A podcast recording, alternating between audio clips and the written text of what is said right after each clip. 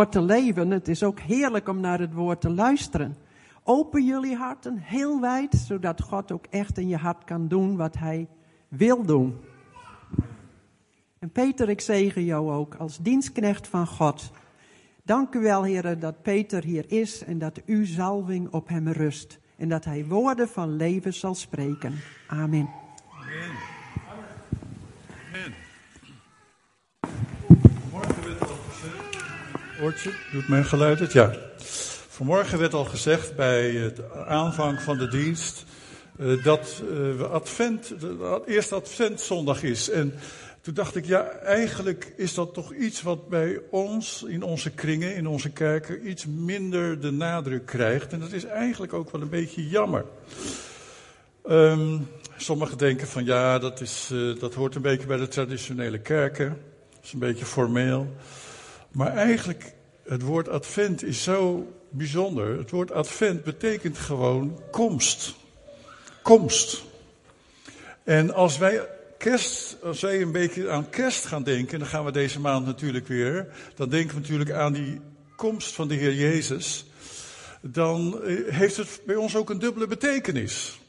Want wij geloven niet alleen maar in Advent, hè, toen de Heer Jezus kwam, maar wij geloven ook in een Advent, de tweede Advent, waarin de Heer Jezus weer terug zal komen. En dat is, heeft dus te maken met verwachting. En ik wil jullie vanmorgen daar naartoe nemen. Ik wil jullie meenemen. Het woord advent is natuurlijk gewoon een Latijns woord. Maar het betekent eigenlijk komst van een persoon of van een gebeurtenis. En eigenlijk komt het dus ook uit het Joodse denken. Het was daar ook bekend. Uh, niet het woord advent misschien, maar wel die verwachting. Ik wil jullie meenemen naar Psalm 126 vers 1 tot 6. En eh, dat is een uh, psalm, een pelgrimslied staat erboven. En uh, daar ga ik iets over uitleggen. Psalm 126, vers 1 tot 6. Een pelgrimslied. Toen de Heer het lot van Sion keerde, was het of wij droomden. Er werd net ook iets over dromen gezegd. En um, het volk van Israël had een droom dus. Wij hebben ook een droom. Een droom die werkelijkheid gaat worden. Dat Heer Jezus terugkomt, dat hij wederkomt. Amen. Een lach vulde onze mond, onze tong brak uit in gejuich. En toen zeiden alle volken, de Heer heeft voor hen iets groots verricht. Ja, de Heer had voor ons iets groots verricht. We waren vol vreugde. Keer ook nu ons lot, Heer, zoals u water doet weerkeren in de woestijn. Zij die in tranen zaaien, zullen oogsten met gejuich. Wie in tranen op weg gaat, dragend de buidel met zaad, zal thuiskomen met gejuich, dragend de volle schoven. En dit gedeelte spreekt eigenlijk over twee adventen waar ik vanmorgen over wil hebben. Het is dus een pelgrimslied. Wanneer werd dit gezongen? Nou, drie keer per jaar minimaal gingen de, moesten de mannen in Israël moesten naar, optrekken naar Jeruzalem. En als je naar Jeruzalem gaat, dan moet je naar boven, want Jeruzalem ligt op zeven heuvelen, ligt op zeven bergen. Dus het is altijd een stijgende weg. En terwijl ze dus hun pelgrimstocht naar Jeruzalem maakten voor die feesten, zongen ze bepaalde liederen. Bepaalde liederen die hoorden bij dat optrekken naar Jeruzalem. Zoals wij ook bepaalde liederen zingen als wij uh, de komst van de Heer Jezus gedenken rondom kerst. En uh, ja, of hij nou uh, precies op deze datum geboren is, dat is eigenlijk niet eens zo interessant. We, we vieren alleen zijn, we vieren zijn um, komst naar deze aarde. En, en dat is goed om te vieren. Dat, is die, heeft te maken met dat eerste advent. Zij gingen dus op naar Jeruzalem en zongen liederen. Ook dit lied. En um, dat hebben we net gelezen. Pelgrimsliederen, pelgrimpsalmen. Um, psalm 126 dus. Deze psalm die stamt uit een tijd dat het volk van Israël in ballingschap was. Ze waren als het ware overwonnen door een vijand en meegenomen naar dat land, naar Babylon. En daar werden ze als slaven gebruikt. ze werden dus als slaven daar te werk gesteld. En um, toen het volk daar was, uit die tijd stamt deze psalm. En de psalm gaat eigenlijk over het reddende, de, de reddende karakter van God. Hij is een God die uitredt. En hij heeft in het verleden hun uitgered. Waar was dat dan ook alweer? Toen hij hen uitredde. In, uit Egypte, juist precies. En hij zou hen ook in het heden uitredden als de Messias zou komen. Dat was hun verwachting. En daarom zongen ze dus ook dit lied. Er was perspectief in deze psalm. Dus de herinnering aan de verlossing van het verleden gaf perspectief, gaf perspectief in hun leven over verlossing in de toekomst. Maar eigenlijk is dat bij ons ook zo. Wie, is, wie weet dat hij gered is door Jezus Christus? Amen. Nou, die herinnering dat je gered bent van de zonde, geeft je ook perspectief voor alles wat je tegenkomt in het leven en voor jouw toekomst. Want dan weet je dat dus dezelfde God, dezelfde machtige hand, die jou gered heeft, zal jou ook in allerlei situaties van het leven uit kunnen redden. Amen. Nou, prachtige psalm dus. Maar deze psalm leert ons dus om over Advent na te denken. En dat willen we vanmorgen doen. Het laat zelfs twee Adventen zien. En het geeft ons eigenlijk ook advies over hoe wij in die tussentijd tussen die twee Adventen zouden moeten leven. Het eerste Advent is voor ons de komst van de Heer Jezus Christus. Het tweede Advent is het moment dat Hij zal wederkomen, dat Hij zal weerkeren. En in die tussentijd, hoe dan? Geeft ook deze psalm daar heel duidelijk advies over. Het is een hele profetische psalm in die zin.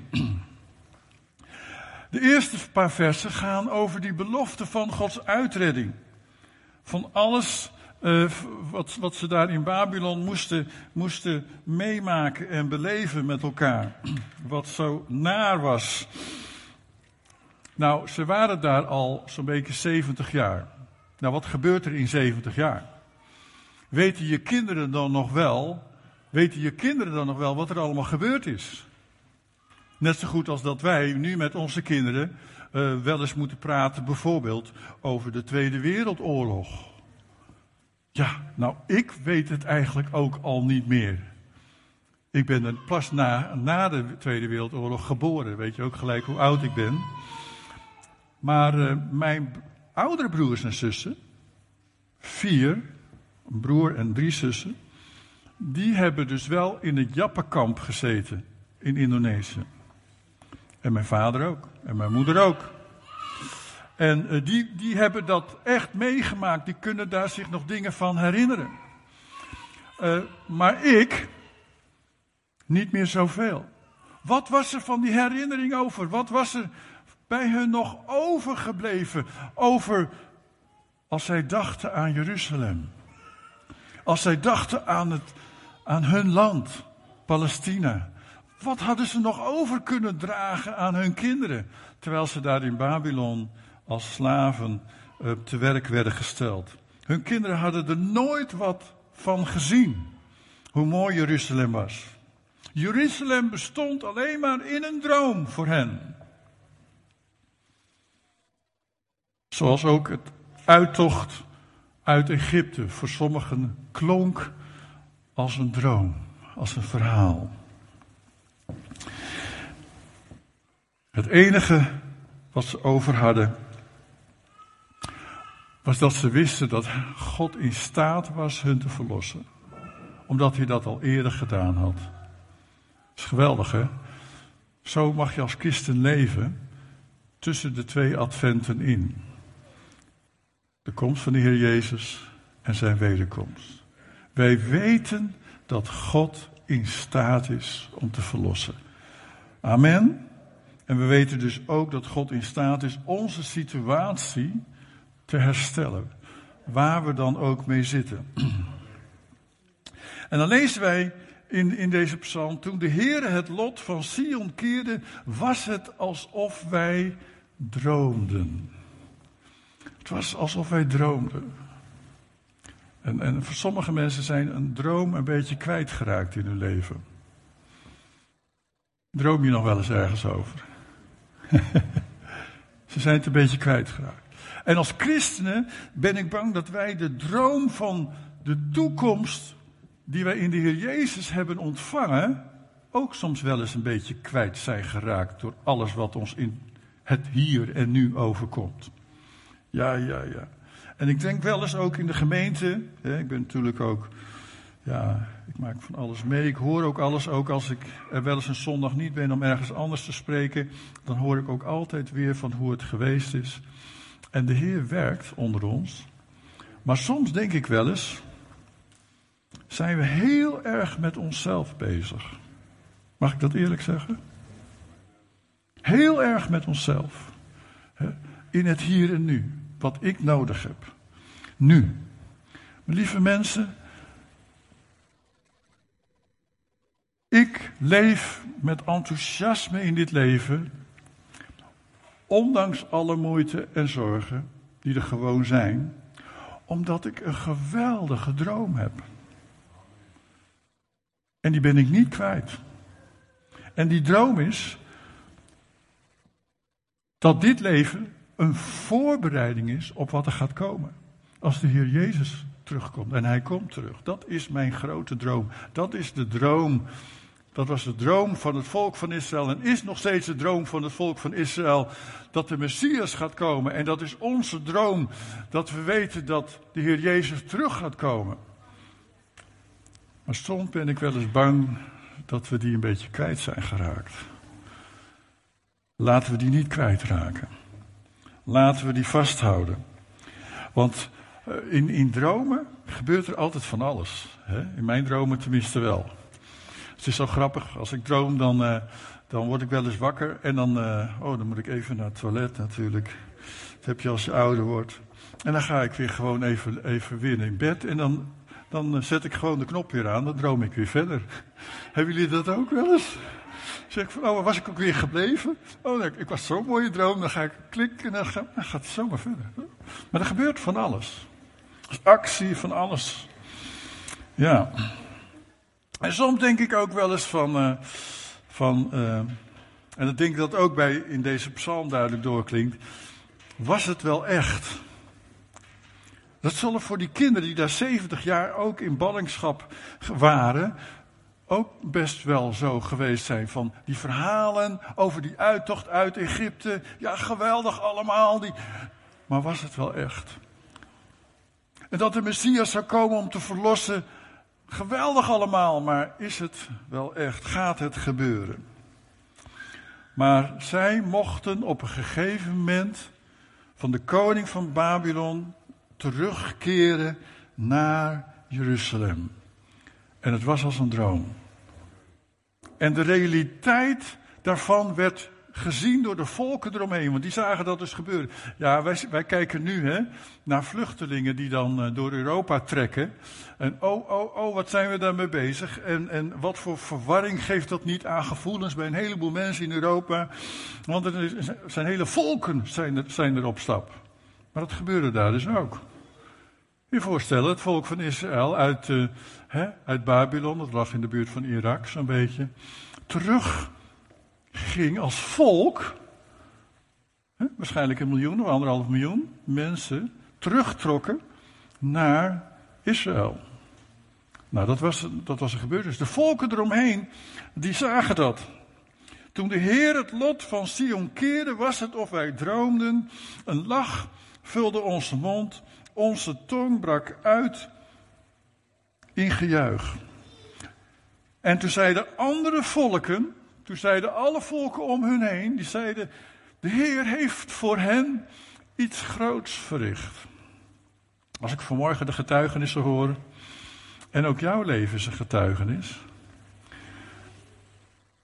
Wat zou het geweldig zijn als andere mensen het zouden horen, wie God voor jou is, en dan zouden moeten vaststellen, God heeft in hem, in haar, iets groots verricht. Ja, dat gebeurde toen. Want deze volken om hen heen waren heidense volken. En moesten erkennen dat God iets in hun leven had gedaan. Dat God iets voor hen had gedaan. Hij had hun teruggebracht naar Israël. Een wonderlijk iets. Een uitredding. Eerste eh, advent. Die uitredding, die komst. En dan het tweede advent. Want als je de psalm goed leest, psalm goed leest, dan zie je in het tweede gedeelte dat zij bidden, zij vragen tijdens dat lied dat ze zingen, terwijl ze omhoog trekken naar Jeruzalem voor de feesten, vragen ze ook dat er een moment zal komen dat de woestijn weer zal gaan bloeien. Dat er, dat er weer iets wonderlijks, iets bijzonders zal gaan gebeuren. Een tweede advent. En wij weten dat als de Heer Jezus terugkomt, Hij op deze aarde een nieuwe hemel en een nieuwe aarde zal gaan maken. Amen. Dat alles anders zal zijn. In vers 4 zingen, bezingen ze dat. Keer ook ons lot Heer, zoals u water doet wederkeren in de woestijn. Nou, het kon daar in de woestijn best wel wegspoelen als de regenbuien kwamen. En alles wat in de woestijn dan door is, in één keer, in één, twee dagen, begint groen te worden. Plotseling begint het boven de grond te komen. De woestijn verandert in één keer als de regenbuien komen. En uh, dus ze hadden de terugkeer van hun ballingschap bezongen. En ze vragen opnieuw aan God om hun lot te keren. Hen nog een keer te bevrijden. Nou, dat is geen geheimtaal. Als je psalm leest, dan lees je er zomaar overheen. Het is niet als een knop die je aan en uitzet over Gods reddingsplan. Nog een keertje. Heer, u heeft ons al gered uit Babylon. En wilt u ook nu ons lot keren? Wilt u, wilt u weer een wonder doen Gods reddingsplan in ons leven is niet een schakelaar. Gods reddingsplan in ons leven is een proces. Een proces waarin wij gered worden door Jezus. Onze zonden zijn vergeven, maar ook gered zullen worden voor de eeuwigheid. Als Jezus terugkomen komt, dan zullen wij bij Hem zijn en ook bij de Vader mogen zijn. Wel, het is goed om dan terug te kijken naar het vorige advent, en dan te begrijpen dat God in staat is om uit te redden. Om ook te weten dat God weer altijd opnieuw daartoe in staat is. Als we vooruitkijken naar het nieuwe advent. Nou, de zangers die liepen dus tijdens de feestdagen al die mannen die liepen dan op naar Jeruzalem en zongen deze psalmen, waaronder ook deze psalm. Ze keken terug naar het reddingsplan van God en gelijkertijd keken ze terug, keken ze weer vooruit naar het moment dat God zijn plan helemaal af zou maken. Klaar zou maken. En we weten dat dat voor ons ook geldt. Wij zijn gered door de komst van de Heer Jezus Christus. Daarom vieren we ook kerstfeest. We herdenken dat met elkaar. Dat eerste advent. Maar we weten ook dat er een tweede advent komt. Een tweede advent. God gaat zijn plan helemaal afmaken. De Heer Jezus komt terug. En als hij terugkomt, dan komt hij om een, zijn koninkrijk helemaal te vestigen op deze aarde. Zijn koninkrijk is er nu in onze harten. En zijn koninkrijk staat ook nog te komen. Het is het hier en nu. En het komt in zijn volheid als hij straks wederkomt. En hij zal zijn koninkrijk vestigen hier op aarde. Nou, hoe zal dat tweede advent er dan uitzien? Water zal wederkeren naar de woestijn. Als de regen komt. Dat is hetgeen wat ze zongen. Uh, er zijn andere schriftgedeelten die dit ook onderbouwen. Dat is onder andere de belofte die wij lezen in het Evangelie van Johannes. Dat Johannes eigenlijk de wegbereider is van de Messias. Dat was eigenlijk natuurlijk de eerste advent. De Joden van toen in die tijd erkenden de Heer Jezus niet als de Messias. Maar het is wel heel interessant als je in Israël bent vandaag aan de dag en je praat met Joodse mensen, niet alleen Messiaanse Joden, maar ook gewoon Joodse mensen. En je praat over, wij praten dan over de wederkomst van de Heer Jezus, de Messias. Hoe, eigenlijk hoe, hoe dichtbij hun, dat, hoe dichtbij dat bij hun verwachting van de Messias is. Nou, ik weet niet hoe God dat precies bij elkaar gaat brengen. Maar ik heb daar misschien wel een bepaalde gedachte bij. Uh, dat dat best wel zo zou kunnen. Dat hij dat bij elkaar gaat brengen. Nou, Johannes, daar staat over, er kwam iemand die door God was gezonden. Hij heette Johannes. Johannes 1, vers 6 tot 9. Hij kwam als getuige. Om van het licht te getuigen. Opdat iedereen door hem zou geloven. Hij was zelf niet het licht, maar hij was er om te getuigen van het licht. Het ware licht, dat ieder mens verlicht en naar de wereld kwam. Johannes kondigde dus dat eerste advent aan. Het moment dat God besloot om Jezus naar deze wereld te sturen, om het ultieme offer te brengen, wat nodig was voor de vergeving van onze zondaren, zodat velen gered konden worden van het eeuwige oordeel en de eeuwige dood. Nou, dat was natuurlijk al eeuwenlang voorspeld. Eeuwenlang hadden profeten dit al voorspeld. In het Oude Testament komen we dat constant tegen. En ook Johannes kondigde dat aan. Vele mensen koesterden dus die droom van dat eerste advent, van die uitredding door de Messias Jezus. Maria koesterde een droom van de komst van de Heer Jezus. Jozef koesterde de droom, had een engel ook gezien. Elisabeth koesterde een droom. Zacharias. De herders dachten ook van dromen wij. Wat is dit? Wat wij allemaal horen. Allemaal had het te maken met die verwachting, die komst die zij verwachten. Anna en Simeon, toen zij het babytje Jezus naar de tempel, uh, toen het babytje Jezus uh, naar de tempel werd gebracht. Maar zoals de zangers in Psalm 126 dan ook uitkijken naar die tweede advent, welke de woestijn zou laten bloeien. Dat is wat. Kijk, ze waren hadden eerst gevraagd van Heer, help ons om uit Babylon te mogen komen. En terug te mogen keren naar Jeruzalem. Dat was al geweldig. En toen ze dat ontvingen, baden ze opnieuw van Heer, laat de woestijn bloeien. Zo mooie, mooie lieden zijn er ook over gemaakt. En dan lezen we eigenlijk iets over het tweede advent waar de profeet Jesaja ook spreekt, over spreekt. Jesaja 65, vers 17. En dit is ook ons tweede advent.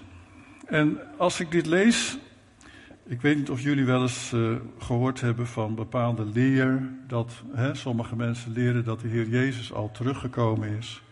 Laat je niet in verwarring brengen.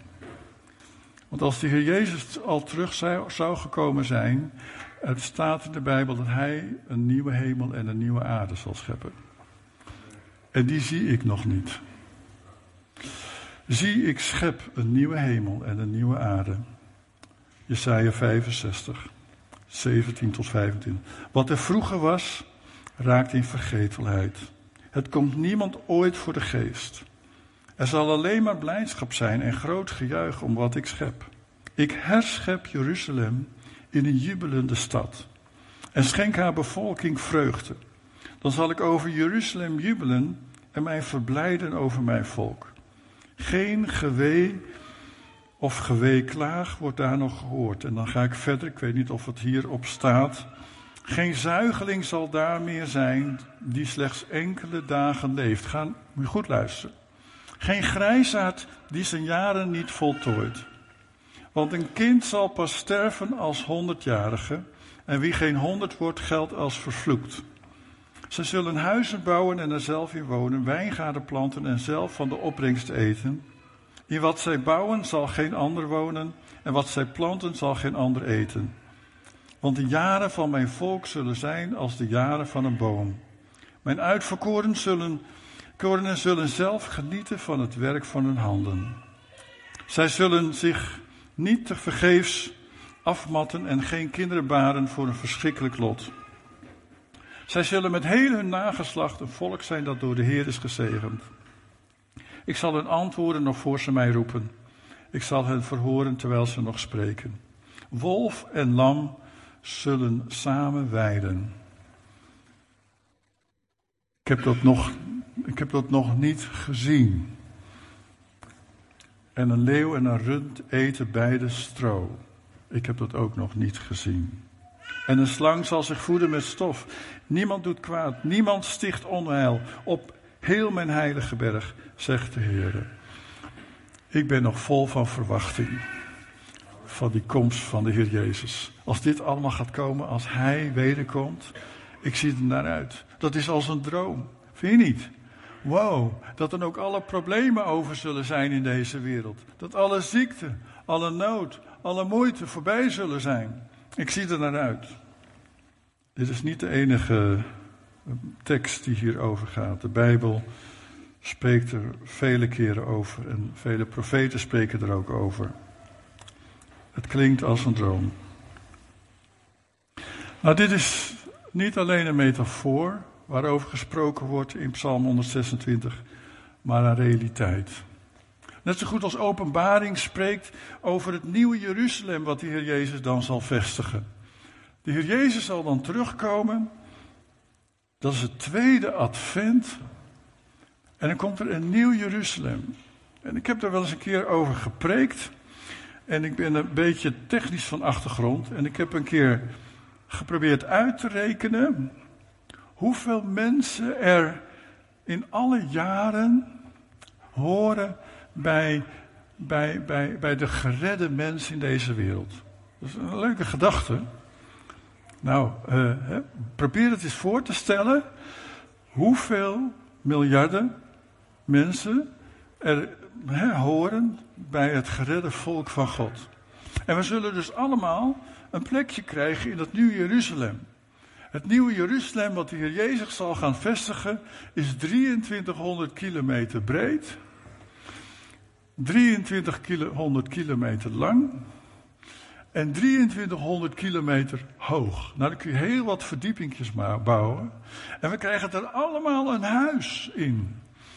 En ik heb dat dus voor de grap eens uitgerekend zo van uh, hoeveel, hoeveel plek is er dan wel niet in dat nieuwe Jeruzalem? Hè?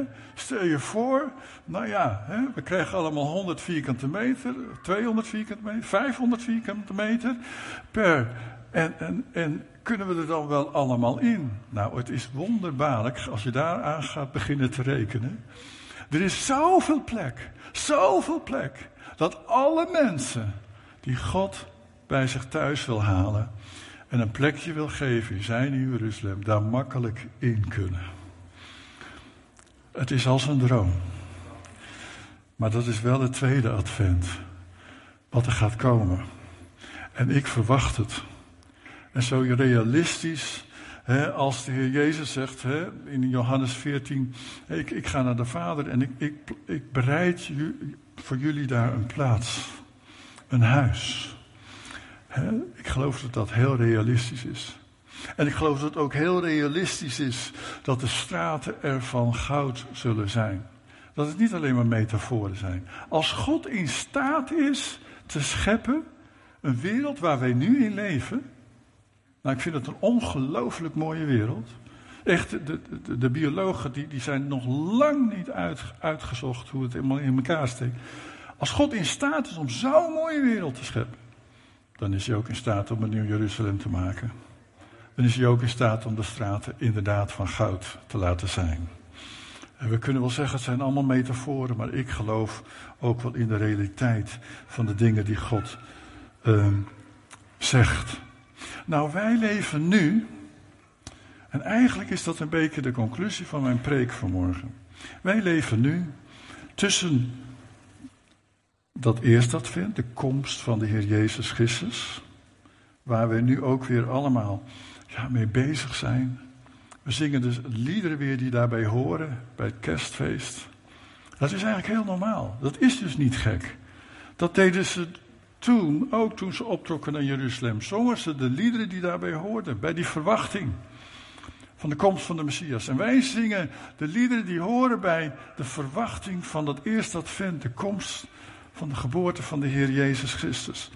En tussen dit advent en het advent wat gaat komen, de wederkomst van de Heer Jezus, geeft deze psalm hele duidelijke aanwijzingen. En die aanwijzingen vinden we in vers um, ehm, 5, Psalm 126, vers 5. Misschien kan Psalm 126 er weer even op. En dan het tweede gedeelte, vers 5. En er staat: Zij die in tranen zaaien, zullen oogsten met gejuich. Wie in tranen op weg gaat, draagt de buidel met zaad.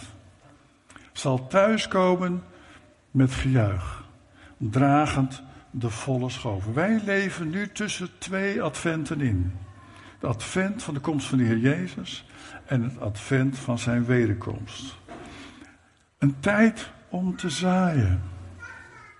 Een tijd om te zaaien. En, en natuurlijk leven wij nog, hebben we ook te maken met de gevolgen van, van de wereld in zonde. Wij zijn wel bevrijd van de zonde, maar in de natuur en ook in ons lichaam, ons natuurlijke lichaam, hebben wij daar soms daarmee te maken. Maar we mogen wel zaaien hetgeen wat wij ontvangen hebben in de Heer Jezus Christus. En dat kost soms wel wat. Sari heeft het net voor de dienst, zei ze van, uh, we gaan weer de straat op. Maar het is wel jammer dat er zo weinig zijn. Het kost soms wel wat. En misschien kost het soms ook wel eens tranen. Maar hier staat wie in tranen zaaien, zullen oogsten met gejuich.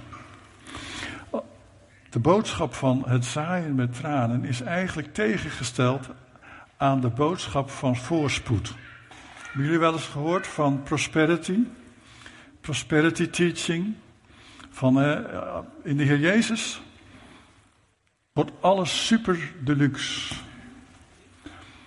Ben je altijd super succesvol. Ja. Maar dan heb, vergeet je dat er ook woorden staan, zoals zaaien met tranen. Wat betekent dat dan? En de Bijbel spreekt ook over, soms over lijden. Uh, dat is nog niet voorbij. Dat zal pas voorbij zijn, het lijden, als de Heer Jezus is wedergekomen. Ja, ik vind het woorden die tegengesteld zijn aan uh, wat hier staat. Want die tijd tussen de twee adventen waarin wij nu leven, dat is een tijd om te zaaien, maar ook een tijd om te oogsten. Uh, teksten als, waarin wij getest worden in ons geloof, over moeite, over strijd, over lijden, over zware arbeid. Dat er arbeiders nodig zijn. Maar ook teksten over vervolging. Wij houden daar niet van. Past niet zo erg in onze theologie. Maar toch staan ze wel in de Bijbel. Paulus die zegt in, in 2 Timotheus 3 vers 12. Allen die vroom en in eenheid met Christus willen leven, die willen vroom en in eenheid met Christus leven. Amen. Ja, maar dan moet je wel verder lezen. Die zullen worden vervolgd, staat er. ja, dat, daar houden wij eigenlijk niet zo van. Ja, maar die zullen worden vervolgd. Als je echt met Christus wil leven. Dus dat zaaien van het evangelie, dat kost soms wat. En het kost soms ook tranen. Ik hoop echt dat er mensen met je meegaan, uh, Sari, die ook mee willen helpen zaaien. dat kost soms wat van je. Maar dan mag je ook je verblijden als je mensen tot Jezus ziet komen en die oogst ziet binnenkomen. Dat je thuis mag komen met gejuich, dragende de schoven. Ik heb vroeger ooit een liedje gezongen, ik zong vroeger veel. En dat liedje ging over uh, dat als ik straks voor de troon van de Heer sta, dat mijn handen niet leeg zullen zijn.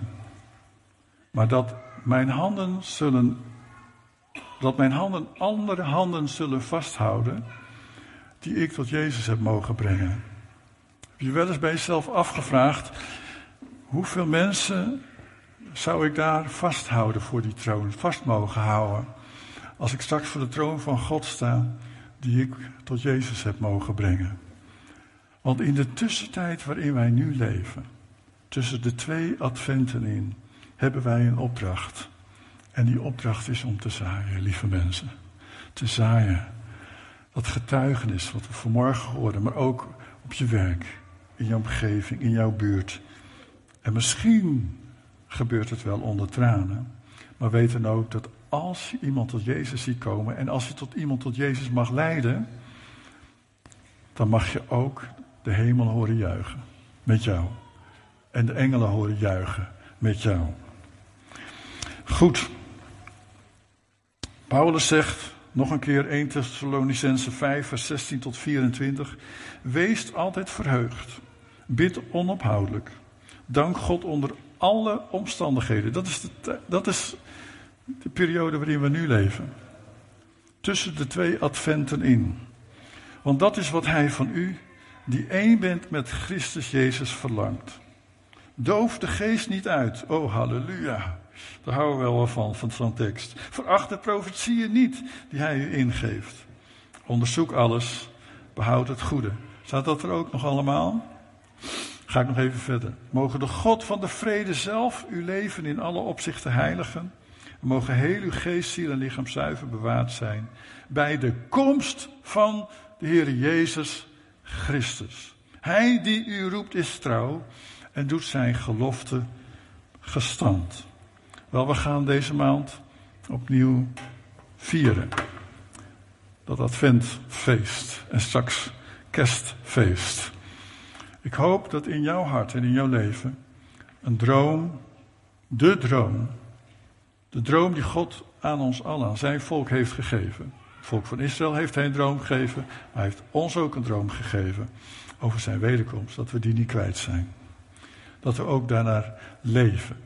En dat als we soms de moeite tegenkomen van dit leven, dat we daar langs kunnen kijken naar zijn wederkomst. Amen. En zeggen van, ach Heer, dit gaat allemaal voorbij. Dit gaat allemaal voorbij. En er komt een geweldige nieuwe hemel, nieuwe aarde. En daar zien we naar uit. Naar het tweede advent. Maar ik, als ik dan straks voor uw troon mag staan, dan bid ik dat mijn handen gevuld zullen zijn. Met handen van mensen die ik heb mogen winnen voor u. Help mij om te zaaien. En als het wat kost, zelfs tranen, ik wil er niet voor weglopen. Maar laat mijn leven getuige zijn voor anderen. Vader in de hemel, ik dank u wel, Heer, voor uw woord. Heer, het is soms ook goed om even door te denken en na te denken waar al die dingen vandaan komen, zodat wij dat ook gaan begrijpen. En ook de inhoud en de achtergrond van dingen ook gaan zien. En dank u wel, Heer, dat we opnieuw kerstfeest mogen vieren deze maand. En dat we ons hart erop mogen voorbereiden.